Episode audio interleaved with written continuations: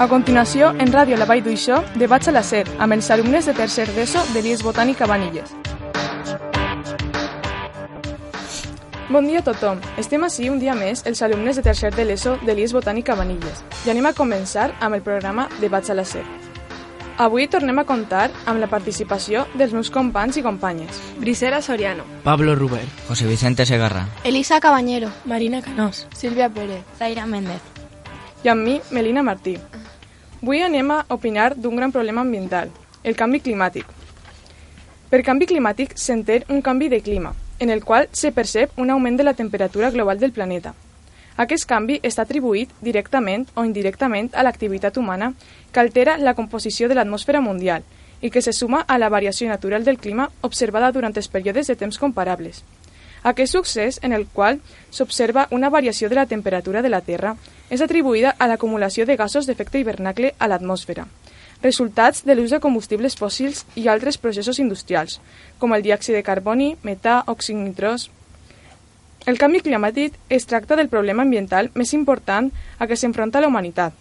Ho estem veient cada dia. Hi ha més fenòmens meteorològics extrems, més catàstrofes de tota mena, sequeres, inundacions... I ja s'estan observant senyals sobre glaceries i ecosistemes costaners. També el, el canvi climàtic és potencialment la major amenaça per a la biodiversitat en les pròximes dècades, on boscos i aiguamolls seran severa i aviat afectats. Per poder frenar el canvi climàtic hem de treballar tots junts per aconseguir un model energètic sostenible, capaç de reduir les emissions de CO2. I així doncs, la solució està en prendre mesures d'estalvi i eficiència energètica, tant com fer ús d'energies renovables. Després d'aquesta xicoteta introducció teòrica sobre el canvi climàtic, vaig a realitzar qüestions als meus companys i companyes sobre aquest tema per conèixer la seva opinió al respecte. Grisela, per què s'origina el canvi climàtic? Les principals activitats que contribueixen a l'augment del CO2 i, per tant, del canvi climàtic són, cons són consum elèctric. És la major part de l'electricitat que consumim. Es genera per mitjà de la cremada de combustibles fòssils. Transport, vehicles de motor. Els, co els cotxes emeten el 20% del total del CO2, la qual cosa és una de les fonts més importants d'emissió de gas. Calefacció. Les calefaccions de combustibles fòssils emeten CO2 durant la combustió. Aire condicionat. A causa de l'elevat consum d'energia elèctrica d'estos aparells, les emissions de CO2 són elevades.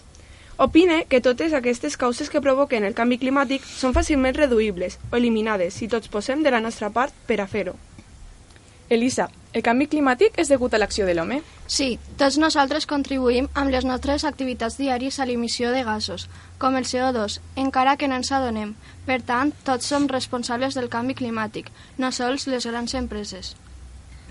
Grisela, la contaminació ambiental és un dels, cau dels causants del canvi climàtic? La contaminació ambiental és la presència en l'ambient de qualsevol agent, físic, químic o biològic, o bé d'una contaminació de varis agents, en lloc nocius per a la salut, la població i la vida animal. Existeixen diferents tipus de contaminació ambiental. Jo conec tres tipus, que crec que són els més importants per comentar i definir. En primer lloc, l'aigua. És l'incorporació a l'aigua de matèries contaminables. Aquestes matèries deterioren la qualitat de l'aigua i la fan inútil per als usos que necessitem. Després, el sol. És la incorporació del sol de matèries també contaminables. La contaminació del sol produeix desequilibris físics, químics i biològics, que afecten negativament a les plantes, animals i humans. I finalment, l'aire. És el més important. Els gasos roïns a l'atmosfera com gasos tòxics que afecten negativament la salut dels humans. Què penses sobre l'escalfament global, Elisa? L'escalfament del planeta és cada vegada més preocupant. Pot semblar que el fet que la temperatura de la Terra augmenti un parell de graus no es notarà, però no és cert. Si la temperatura puja uns quants graus, es produiria un canvi a nivell mundial i provocaria la desaparició dels éssers vius i arruïnaria l'agricultura i la vegetació. José Vicente, quines conseqüències del calfament global creus de, que impactarien en la civilització humana? Jo he llegit uns estudis de National Geographic i m'he fitxat en, tres, en els tres desastres naturals que més m'han impactat. 1. La pujada del nivell del mar. 2. La pujada de la temperatura. I per últim i més important, per a mi, els canvis de, dels pols magnètics. Especifique. El calfament de l'interior del planeta farà que la rotació que tenia a l'interior del planeta fent que els pols magnètics canvien el nord el nord passarà a ser el sud i el sud al nord, i això farà que els animals i demés espècies que es guiaven per la seva orientació dels pols es distorsionen, fent que les espècies es, mo es moguen. Com creus que reaccionaran les persones quan el calfament global ja no es puga parar? Jo crec que les persones eh, se, albotar, se albor, alborotarien d'una manera que no es podria evitar. Hi haurà moltes corrupcions. La veritat, jo no sabria què fer en aquest moment. Marina, què fenomen es produeix com a resultat de la concentració en l'atmosfera de gasos? L'efecte hivernacle. El problema és que per culpa de la contaminació en l'atmosfera fa que l'efecte hivernacle sigui més gran i per tant la radiació solar és retinguda durant més temps. Pot provocar l'augment de, de les temperatures. A primera vista sembla poc, però això podria provocar la pèrdua de grans ecosistemes a conseqüència de perdre també espècies animals i vegetals i zones costaneres desapareixerien ja que tot això farà també d'esferes pols i per tant el nivell del mar augmentaria. Grisela, què passarà a la Terra si continuem així? Ja estem vivint les conseqüències de la contaminació i el desastre natural com els desmonts, la matança d'animals i peces. La naturalesa, encara que no ho cregues, s'està defendent de tot això. Els quatre elements estan fent-se sentir en tots els costats del món. Quins quatre elements, diràs? Doncs, la terra en terremots, l'aigua en inundacions, tsunamis, el foc en els incendis incontrolables, destruint grans boscos, i l'altre, i l'aire en huracans que devoren tot al seu voltant. Quines conseqüències penses tu que provoca el canvi climàtic, Elisa? Augment del nivell del mar a causa de la de- desaparició total de les glaceres. Desaparició de zones de conreu properes a les costes. Canvis en les precipitacions. Canvis en la vegetació. Aparició de malalties tropicals com la malària i la còlera. Pablo, com afecta el canvi climàtic a la fauna? Pot afectar a la fauna en quant al canvi de temperatures. Molts animals tindrien que migrar a altres llocs o adaptar-se a les noves temperatures o fins i tot fer mutacions genètiques. Però en aquest cas tots els animals no tenen aquestes característiques. Per això molts moririen. Penses que a conseqüència del canvi climàtic és possible tornar a una nova edat de gel? Eh, hi ha diverses teories que proven que a causa del canvi climàtic la Terra podria tornar a sofrir una edat de gel, lo qual seria desastrós per als humans i per a la fauna i la flora, ja que molts no podrien suportar aquestes extremes temperatures. Tenen alguna cosa a veure les catàstrofes naturals amb el canvi climàtic?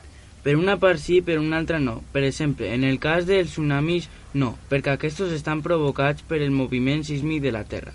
Però s'han conegut casos de tornados que s'han produït en alguns llocs on mai havien ocorrit a causa del canvi climàtic. Sílvia, què opina la gent respecte al canvi climàtic? Moltes persones pensen que és lamentable, perquè som l'espècie més destructora del planeta, ja que tot el món el que té a veure amb el canvi climàtic és la, és la nostra culpa. Tal vegada ja no es puga fer res per parar-ho, però sí per evitar problemes majors.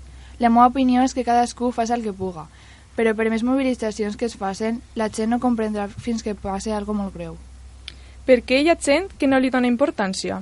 La gent no li dona importància perquè normalment les catàstrofes que solen passar-hi tenen lloc a zones pobres. En canvi, si passa, per exemple, a Nova Orleans, es genera una gran alarma. Els canvis climàtics són i han sigut un constant a través de la seva història. Per altra banda, també hi ha gent que ho nega perquè perteneix a la indústria del carbó i del petroli, tot i perquè els interessa seguir cremant fòssils. Al fi, per més perillós i catastròfic que, sig que siga, no deixa de ser desgraciadament un interès econòmic. Pablo, penses que és veritat tot allò que ens diuen els científics sobre el canvi climàtic? A veure, jo penso que els científics tenen molta raó en el tema del canvi climàtic, ja que disposen d'aparells molt moderns per estudiar-ho i també per estudiar. També nosaltres, els éssers humans, ens donem compte de que les temperatures estan variant molt en quant a les d'altres anys. Per exemple, aquest any passat l'estiu ha sigut una mica més llarg. Per això pense que sí que tenen raó. José Vicente, tu creus que l'espècie humana podrà sobreviure al canvi climàtic? Jo pense que no. I jo tindria dos opcions per a sobreviure i evitar el canvi clim- climàtic. 1. Intentar contaminar el mínim possible i que no ocorrega el canvi climàtic.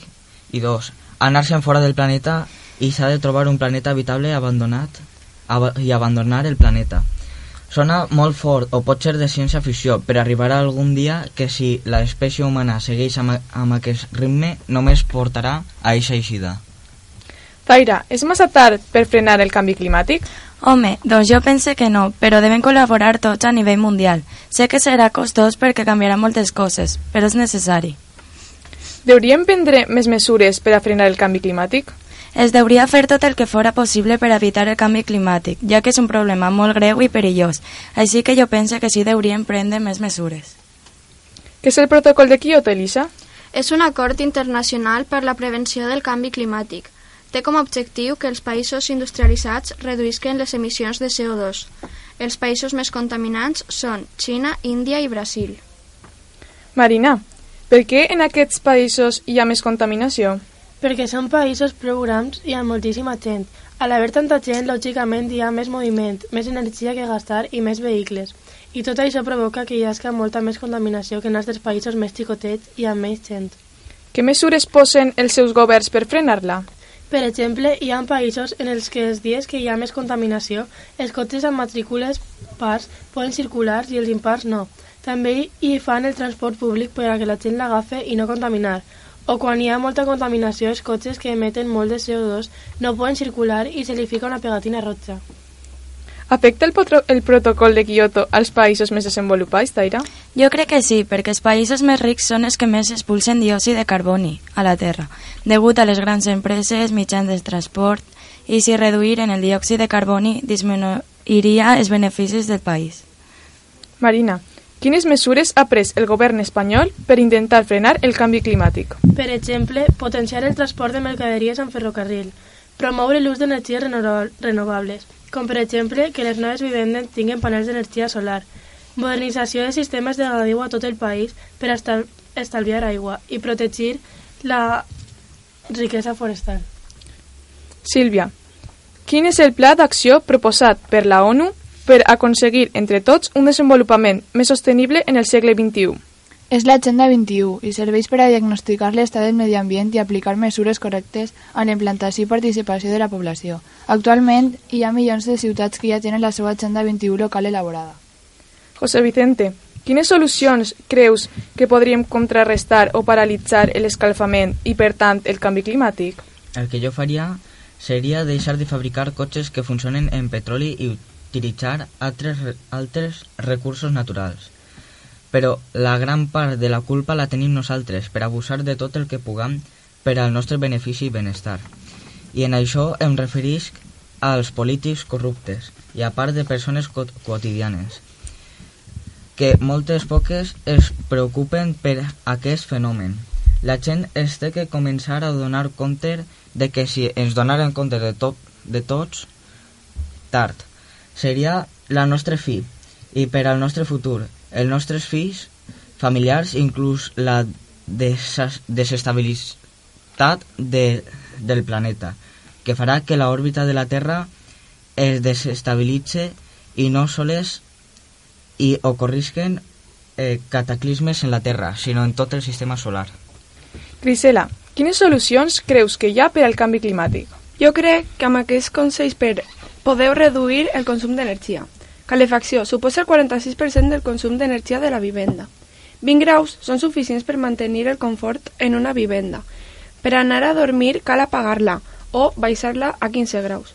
Aïllament. Cobreix les zones d'aire de portes, finestres amb silicona massilla. Instal·la doble vidre o doble finestra. Aigua calenta.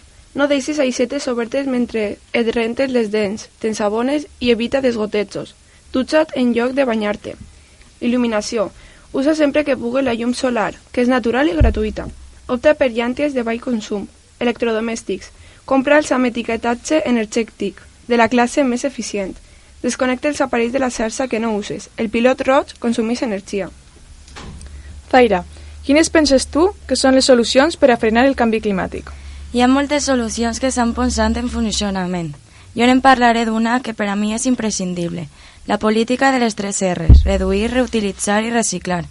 Aquesta és molt important i necessària, ja que parla de l'acció reduir, que consisteix en que la quantitat de residus produïts disminuïsca. En segon lloc, parla de reutilitzar. En aquesta, els residus ja utilitzats s'utilitzen per a una altra funció o per a la mateixa. Per últim, tenim reciclar, una solució més habitual que es fa des de casa. Així els residus disminueixen perquè els objectes es reincorporen a la cadena de fabricació. Quines solucions hi ha al canvi climàtic, Sílvia?